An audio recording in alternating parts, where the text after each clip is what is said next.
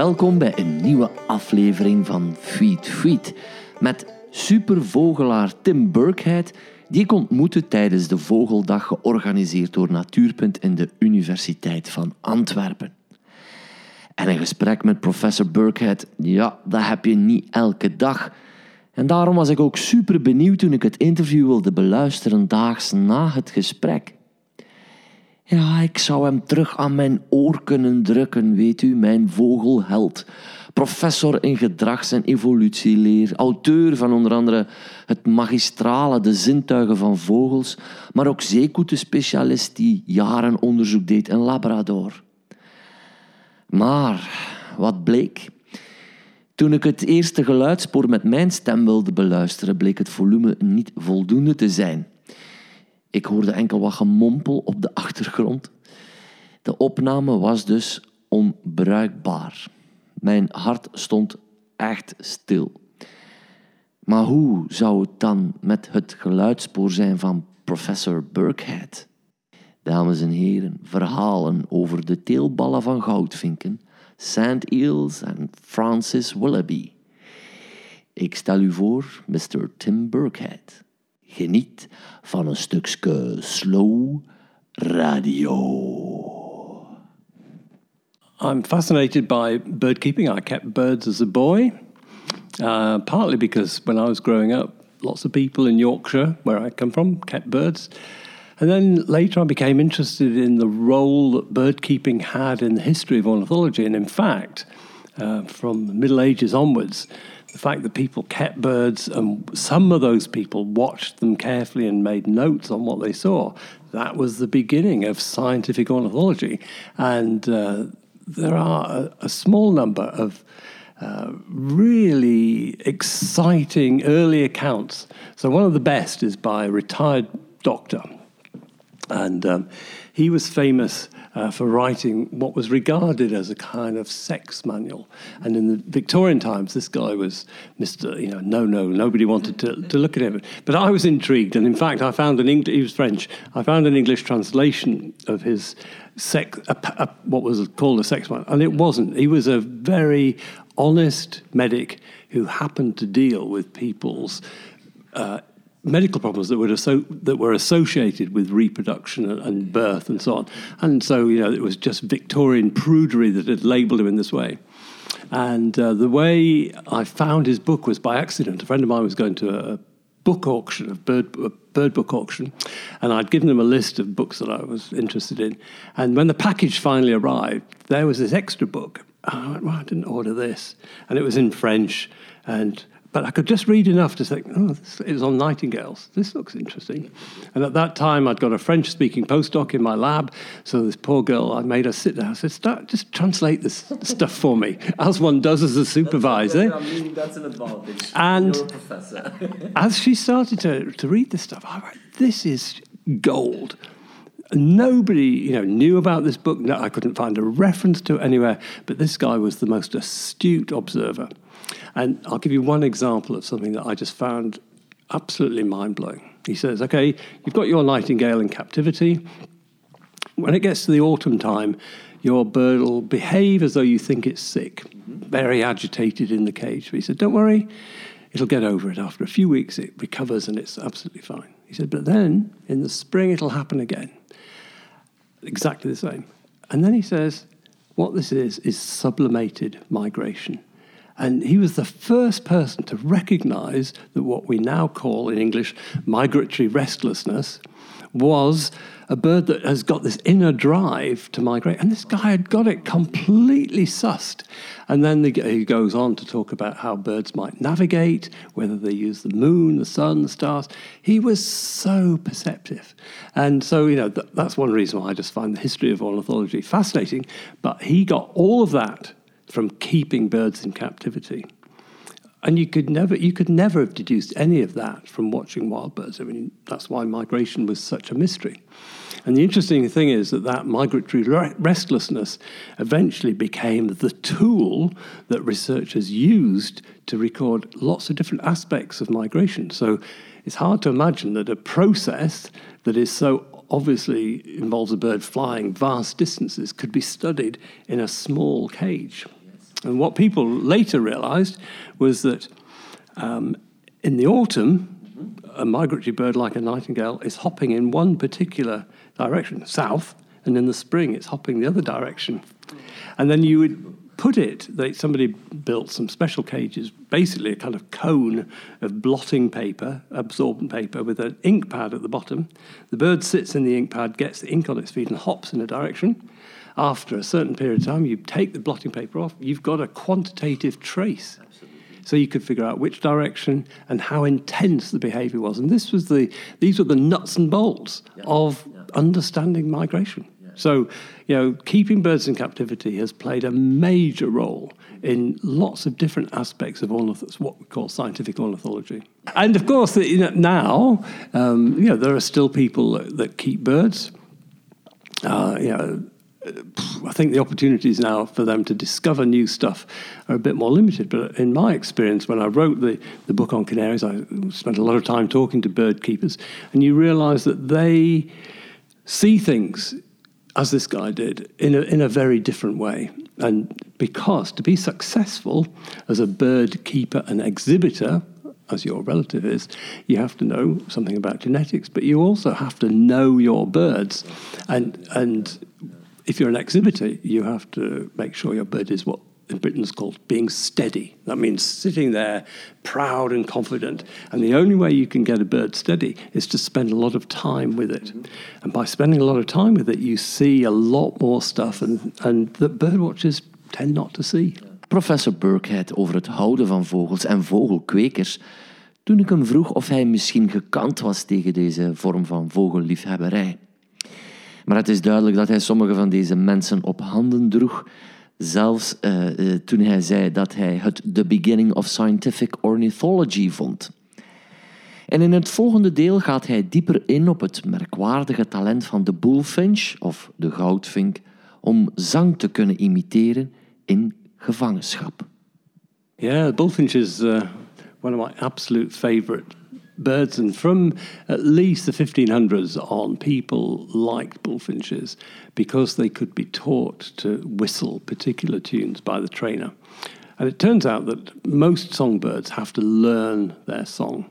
So there is a template in their head that makes them sing in a particular bullfinch way or a chaffinch kind of way, but the actual phraseology of the song has to be learned.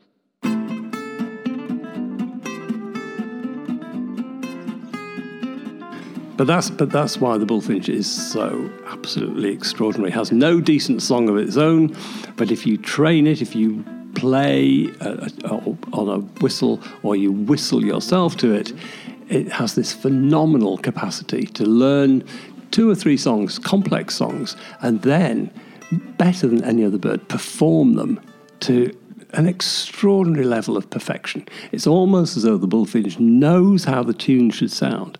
So I have um, some wonderful recordings uh, of the bullfinch trainer whistling. Is it the German man? Yeah, whistling to the bullfinch. And you can hear the sort of breathiness between his phrases and the whistle. And then you hear the bullfinch do it, and the bullfinch just filtered all, all that rubbish out and just does it to perfection.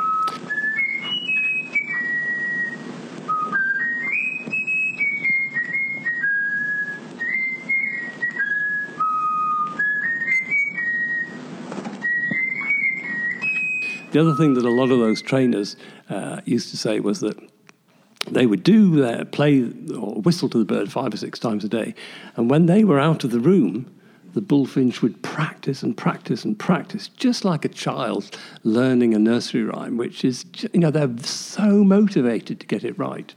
Especially when their own song is just has been likened to a squeaky wheelbarrow. You know, it's that melodic.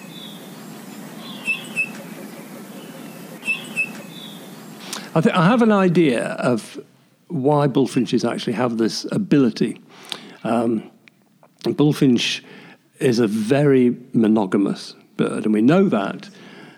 You'll hate this, but we know that because its testes are absolutely tiny. It has the smallest testes for its body size of any bird. And interestingly, a colleague of mine who studied bullfinches in the 1960s had dissected quite a lot of bullfinches that were killed as pests of fruit trees. And he said, yeah, the bizarre thing was they were all immatures. I said, How do you know that? He said, Well, because they had tiny testes. In fact, that is the way a sexually mature bullfinch is. And that is a signal of being very monogamous and not promiscuous. Because if your female isn't going to mate with anybody else, you don't have to invest in inseminating with lots of sperm. So bullfinches are very monogamous, and often when you watch them, you see it, it's always a pair together. And it, studies of primates have indicated that in order to maintain a monogamous pair bond, you actually have to have a much greater cognitive ability than if you're just a promiscuous so and so running around mating with anything that moves. Because to be monogamous and to have a partnership that works, you have to anticipate what your partner might do at any certain time and be prepared to deal with that and, and so on. And I think there must. We're talking about intelligence. Exactly. Yeah. Yeah. And obviously hard, very hard to quantify, but absolutely fascinating.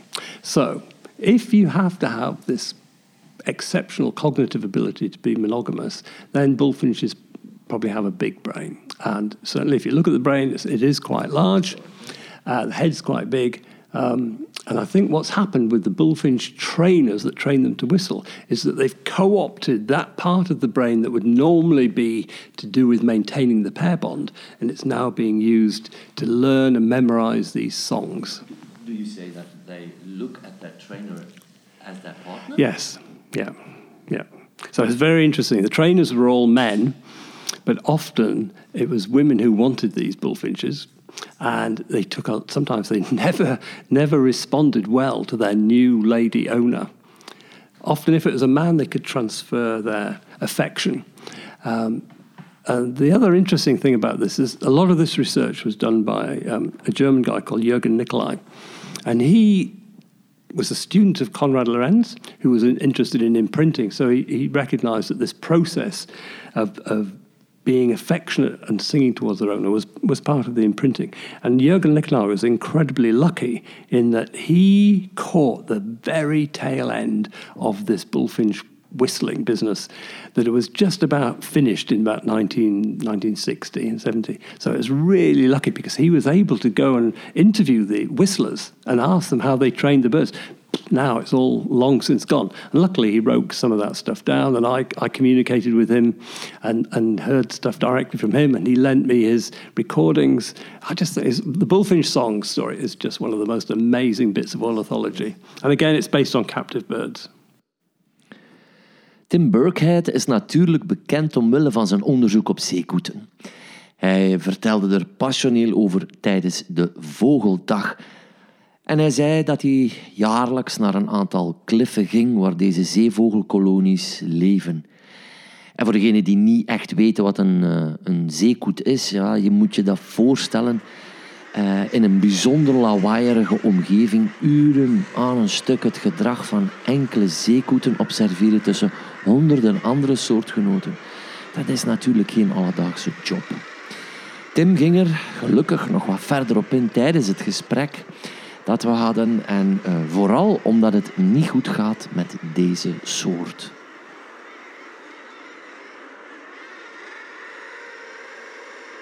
A lot of seabird populations, guillemot populations around uh, the British coast, particularly in the north, are suffering because there aren't enough sand eels. There aren't enough sand eels within foraging range of the colony. That's the thing. So the distribution, we don't know whether the abundance of sand eels has changed. It's probably declined, but the distribution has changed. It means that they're now too far away to make compu- commuting to feed the chick. So it means that the, the fish are out of range. And the really striking thing is that there doesn't seem to be any alternative for the birds to feed on which is why populations are declining, why some years, uh, as on Fair Isle, the birds, the guillemots don't breed at all, which is unprecedented, really, which is unprecedented but tells us that something is happening on a scale that it's never happened before. And any reasonable person would go, this is serious, this is deadly serious. But as you say, what do you do? You can't go to these colonies and put buckets of fish out for them. It's not like feeding penguins in a zoo. And I think one of the difficulties is that in order to, what we need to do is to stop climate change. And then there's a chance that the fish distribution might change again.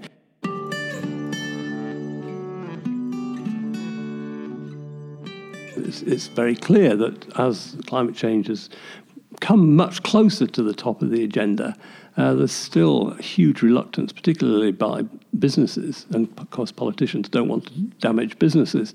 So there's got to be a will. But I think there will become a point where ecological conditions, not just for guillemots, but for lots of species, are so catastrophic that people say, right, now we've got to do something. And of course, it might be too late.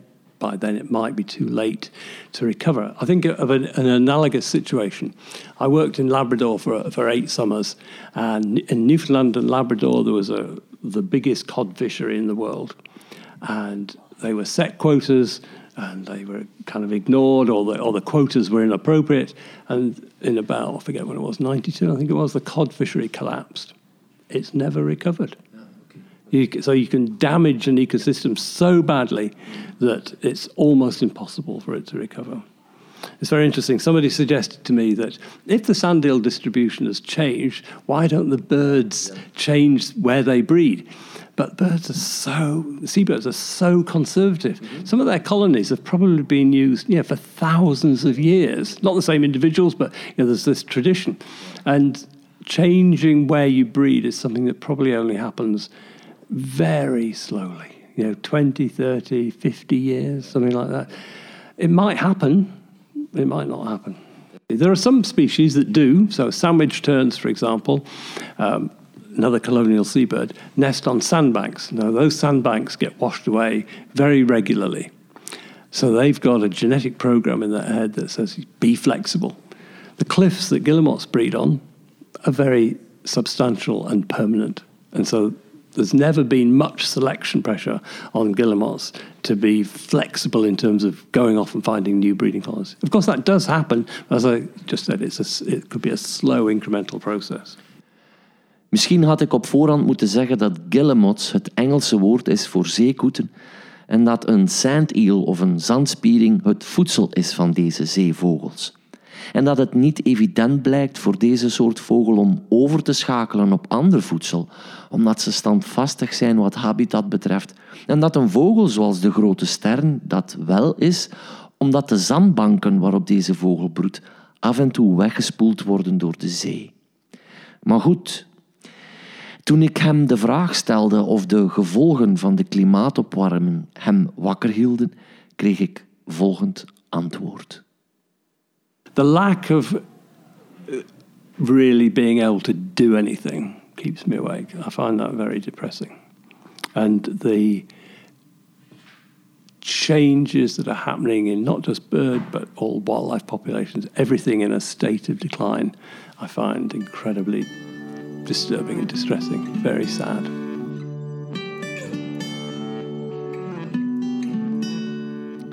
Ik vond het toen tijd om het even te hebben over biodiversiteit en wat dieper in te gaan op een aantal zaken. Ik las hem de definitie voor van biodiversiteit zoals die komt uit het boek How to be a Bad Birdwatcher, geschreven door Simon Barnes. En die definitie luidt als volgt. Biodiversiteit komt hierop neer. Er zijn heel veel verschillende soorten, maar het is meer dan dat, schrijft Barnes. Het is ook de fundamentele strategie die het leven op aarde hanteert. Het leven probeert geen perfecte soorten te maken. Het maakt veel verschillende soorten, elk met het talent een leven te leiden op zijn manier. Vindt de professor dat een goede omschrijving? As a scientist, you could take that apart. There's a kind of element of what an academic ecologist or evolutionary biologist would say. There's a kind of element of group selection or kind of Gaia type thinking there, which is scientifically wrong, but isn't necessarily wrong if you're trying to motivate people to care about the world. So this is going to sound arrogant, but in my book, he should be more accurate. All right. So what he's described isn't how life works. It's how life can work under certain circumstances. So if, you know, as, a, as an ecologist and an evolutionary biologist, what I would say was if the opportunities for lots of different ecological niches existed, as they do in tropical rainforest, then what happens is that life diversifies to fill those different niches. Whereas if you're in, say, the Namib Desert in those red sand dunes, there aren't that many niches there. And so many fewer forms of life. The biodiversity is less. But it's no worse as a system. It's, you know, it's not a lower form of life than in the rainforest. So I think he's um, either deliberately chosen that form of words to, to, to, try, to try and create an effect in his reader, or he's possibly got hold of the wrong end of the stick.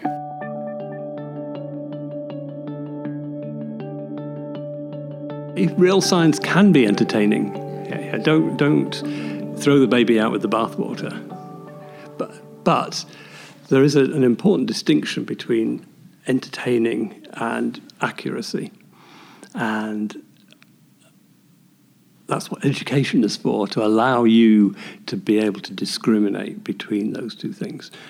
And he is, you know, he's an immensely successful and, and, and, and popular writer. And you've got to allow those kind of people some slack in terms of that because overall the effect that he creates is a good one. So you couldn't you can't expect him to be 100% accurate. And of course scientists are always viewed as being pedants anyway.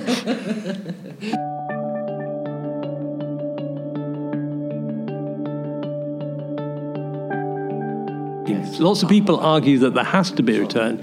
I'm arguing that you know we should just enjoy it for what it is without being conscious of there being some kind of payback for nature. Of course, you can make um, nature pay, and you can use that to help to protect it. So, you know, 250 people a day go to Skomer during the summer, and they pay for that privilege. But a lot of them are inspired by what they see, and that makes them more likely to want to help protect it in the long run. So, you know, that kind of paying is fine. But to be very um, blunt about it and say, this species doesn't have any kind of commercial value at all, let's get rid of it, that would, I think that's deeply flawed. And that misses a whole, a whole swathe of the way people interact with the natural world. Waarom willen zoveel mensen biodiversiteit? Kijk, ik vind een grauwe gos een prachtige vogel, maar is dat een reden om hem te beschermen? Met andere woorden, is schoonheid een reden om biodiversiteit in stand te houden? Absolutely, it certainly is. It absolutely is. And so I think you can think about this at, at, at least two levels. One is this level, the immediate level. I like to see corn buntings, I like to hear corn buntings singing because that makes me feel good. Mm-hmm. And that's one reason why maintaining biodiversity is is important from a rather selfish point of view. You know, you would also want your family and your kids to to enjoy those things in the natural environment that you've enjoyed. But at a second, much more important level, the loss of biodiversity means that the world is becoming a, a poorer place for everybody. It's a signal that things are deteriorating um, in lots of different ways. And so I think you know you can you can hold both of those views simultaneously. So the loss of say skylarks or cornbuntings or whatever um, makes me sad when I go out into the fields and I can no longer hear those things singing. But it also sends a deeper, more important message that basically we're up shit creek without a paddle in terms of the future of ourselves, of humans. Tim is bij het grote publiek bekend om zijn boeken.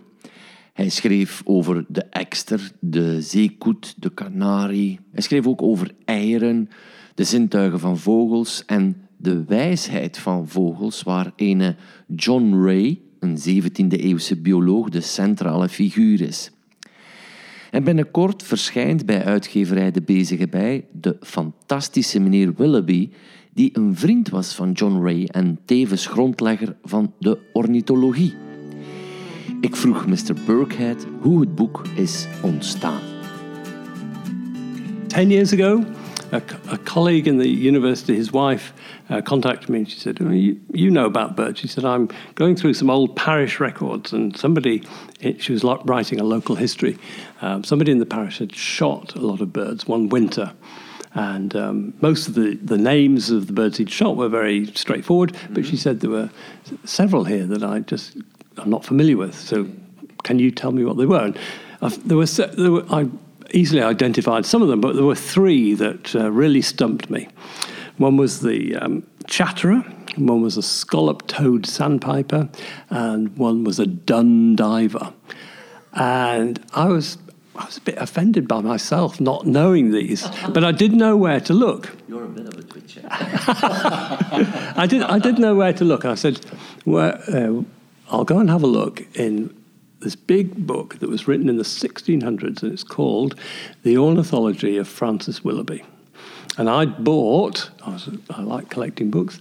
I'd bought a facsimile of this book many years before. Never really looked at it and went through, and I did eventually find the names of these birds and I identified what they were.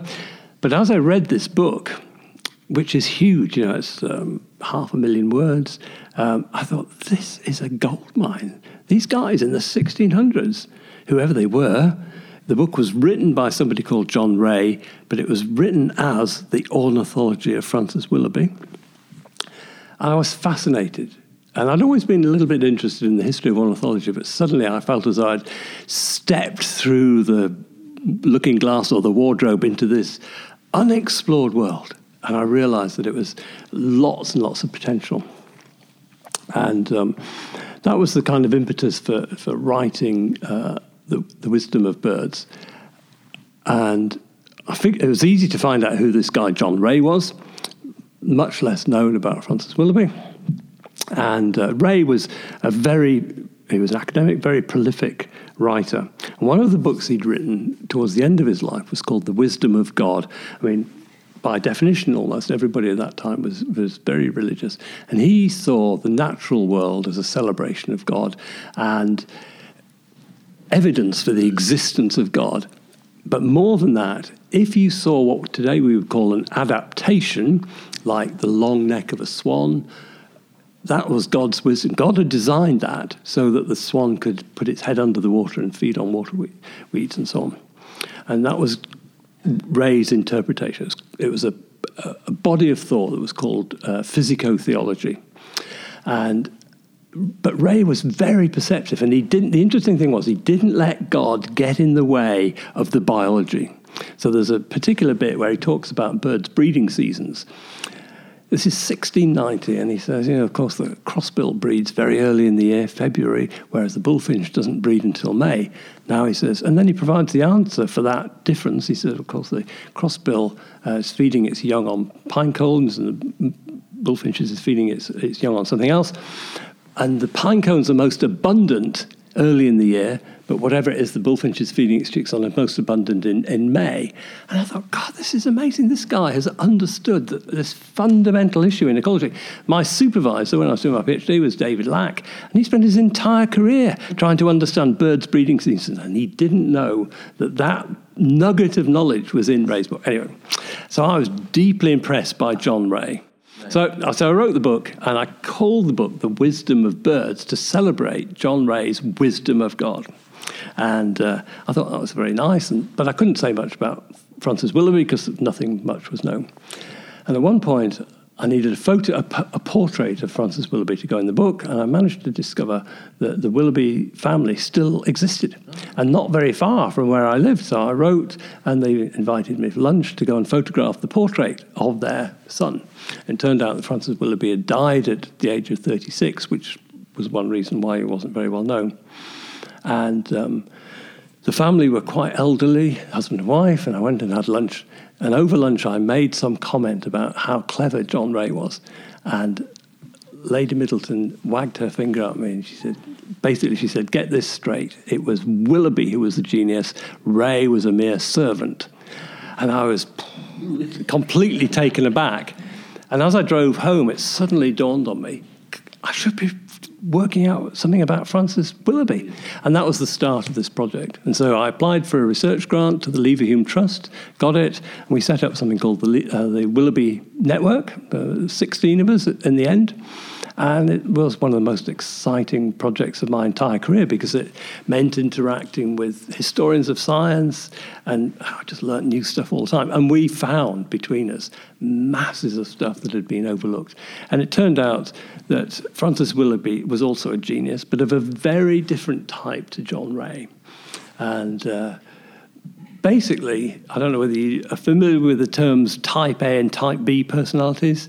If you're a type A, you're kind of um, dynamic, fast, you want to get things done, you're interested in ideas, and then moving on to the next one, you write quickly, you have scrappy handwriting. If you're type B, you're very slow metabolic rate, but you're careful and methodical. And John Ray was the classic type B his handwriting, you know, you can read it today, it's absolutely perfect. It looks like primary school kids writing, you know, but he wanted to get it all down and he was slow. Francis Willoughby was classic type A. His handwriting's almost illegible. and I think they were as, quick, quick, thoughts. Uh, quick thoughts, and and Ray actually says that about him. But I think they were like the perfect married couple in the sense that they complemented each other's activities. And I'm convinced that uh, Willoughby just threw out ideas all the time. And Ray kind of filtered them out and went, okay, this is good, we'll, we'll go with this. And so they worked incredibly well together. So both of them uh, were, each of them was a genius. The interesting thing was that there was a biography of, of John Ray written in the 1940s, which wanted to make the case that Ray was the genius and Willoughby was just a talented amateur. and that made me cross. Um, how did they came to that conclusion? Uh, but well, partly they came to that conclusion because they, unlike us, they just didn't have any material access to the material. But the really interesting thing, this biography of Ray was written by a guy called Charles Raven, and his book was finished, and it was a celebration uh, of John Ray. And the book's at the printers, being the type is being set, and somebody says, I presume you've seen the Willoughby archive. And Raven must have gone, oh, sh- for heaven's sake, I haven't. and what he hasn't, he doesn't see it, but he checks, yes, there is this Willoughby archive that he's missed.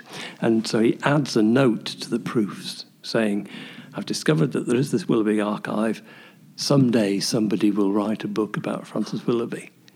And then, as part of our research, we found some correspondence between Raven and Lord Middleton. And, and, Raven had gone to look at it. This is after the book was published. And he wrote back uh, to Lord Middleton to say, Seeing that archive was the best day of my life. But the really interesting thing was that had he seen that before he'd finished his book, he would have been placed in the most extraordinary moral dilemma because the very existence of the archive told him instantly that Willoughby wasn't just a talented amateur, he was also a genius. He would have to have rewritten the whole book. Yes, yes, yes. And so, what we I tried to do in, in this book on Francis Willoughby was to try to not trump up Willoughby beyond the evidence, but just to present a completely honest but much more balanced view. And of course, you know, his life in the 1600s was so rich and full of events, and they travelled across Europe, collecting specimens, meeting um, people with museums. Uh, talking to everybody, keeping copious notebooks. Um, abs- I just, it was really exciting. Oh, that kind of people must have they're the real heroes. Yeah, absolutely, absolutely. And I wanted to put Willoughby on the map. You know, he'd been forgotten. And subsequently, uh, some zoologists recognised how important Willoughby had been, and there was there's a bee called Willoughby's bee. Uh, there's a whole genus of plants uh, called Willoughbyi. There's a fish called Willoughby's char, but there's no bird named after Willoughby. And Willoughby was the first person to realize that there was a difference between the honey buzzard and the common buzzard. So I would like to rename the honey buzzard Willoughby's buzzard. All right. Bird, bird watchers would hate that, but it's just it's a way of kind of putting, yeah. putting Willoughby in the limelight. Er valt heel wat te leren over vogels en gelukkig is Burkhead's kennis daar om dat te delen. Maar, vroeg ik hem, valt er ook wat te leren van vogelaars? that's a, that's a, a, tricky question. I think, yeah, people are. Uh, people like birds for a lot of different reasons. And at one level, you know, you could have people like my mum who just likes to see birds in the garden and, and, and is pleased that they're there and busy or going in and out of a nest box. That's a kind of pleasant, you know, rather superficial liking birds, but that's better than not liking them at all or, or trying to destroy them. And then you kind of go through a kind of continuum to, to bird watchers who keep active lists, to the twitchers who have life lists and travel uh, you know, around the country or around the world trying to see as much stuff as possible. And then somewhere um, along that continuum, you have people who are scientists who also like birds, but who've found a way of turning that pleasant hobby into a way of earning a living. When I was a boy, you know, I used to take time off school. My dad was really frustrated with me, and he kept saying, "You know, you'll never get a job doing this. You know, kind of concentrate." And so I was very pleased to be able to prove him wrong. And uh, but uh, yeah, but one one is lucky to to be able to, to do that. Um, and and you start off being. Um, interested in birds and interested in finding out about their ways of life as a scientist and doing it in a, a rigorous kind of way so that you know, people like skeptics like you can think, oh, well, he's done that properly, therefore I believe it. And then, and alongside that, you can also have a, a deep seated concern for the welfare of birds, and that can also operate at both the individual level and population level and the species level as well. So I think being a birder and being interested in birds is multi-dimensional and quite complex. And of course, there have you know there have been a few books written about birders. Mark Cocker's book, Tales of a Tribe. Um, okay, um, is is is mainly about twitchers, and I mean a relatively easy topic to, to write about and to and to, to criticise because sometimes, sometimes, not always, but sometimes Twitch's behaviour is extreme. Mm-hmm. Yeah. Dit was Fuit Fuit. Ik hoop dat u genoten hebt van de onwaarschijnlijke rijkdom van Tim Birkhead. Ik bedank Gerald Drieses van Natuurpunt dat ik deze man mocht interviewen. En wilt u meer info over FeedFeed? Wel, check dan de Facebookpagina of mijn website birdnerd.be. Tot slot laat ik het woord nogmaals aan Tim, die het heeft over een van zijn favoriete natuurboeken, De Slechtvalk van John Baker. If you were to ask a lot of naturalists in Britain who are also literary, they would say that was the turning point. That that was the book that just made people realize that you could write about nature in such a powerful way. I remember reading that when I was uh, a, a, late teenager, and one of the most extraordinary things happened. Um, I used to go bird watching by well, the River Wharfe where I lived, and there was a big viaduct over this wall, uh, river uh, carrying a railway line. And I would go down there at dusk when I got back from school. And on one occasion, a peregrine came off the viaduct and flew over my head. And it was roosting on this viaduct. And I used to go down every night. And this was happening while, while I was reading Baker's book. You know, it was like a, it was like a sign.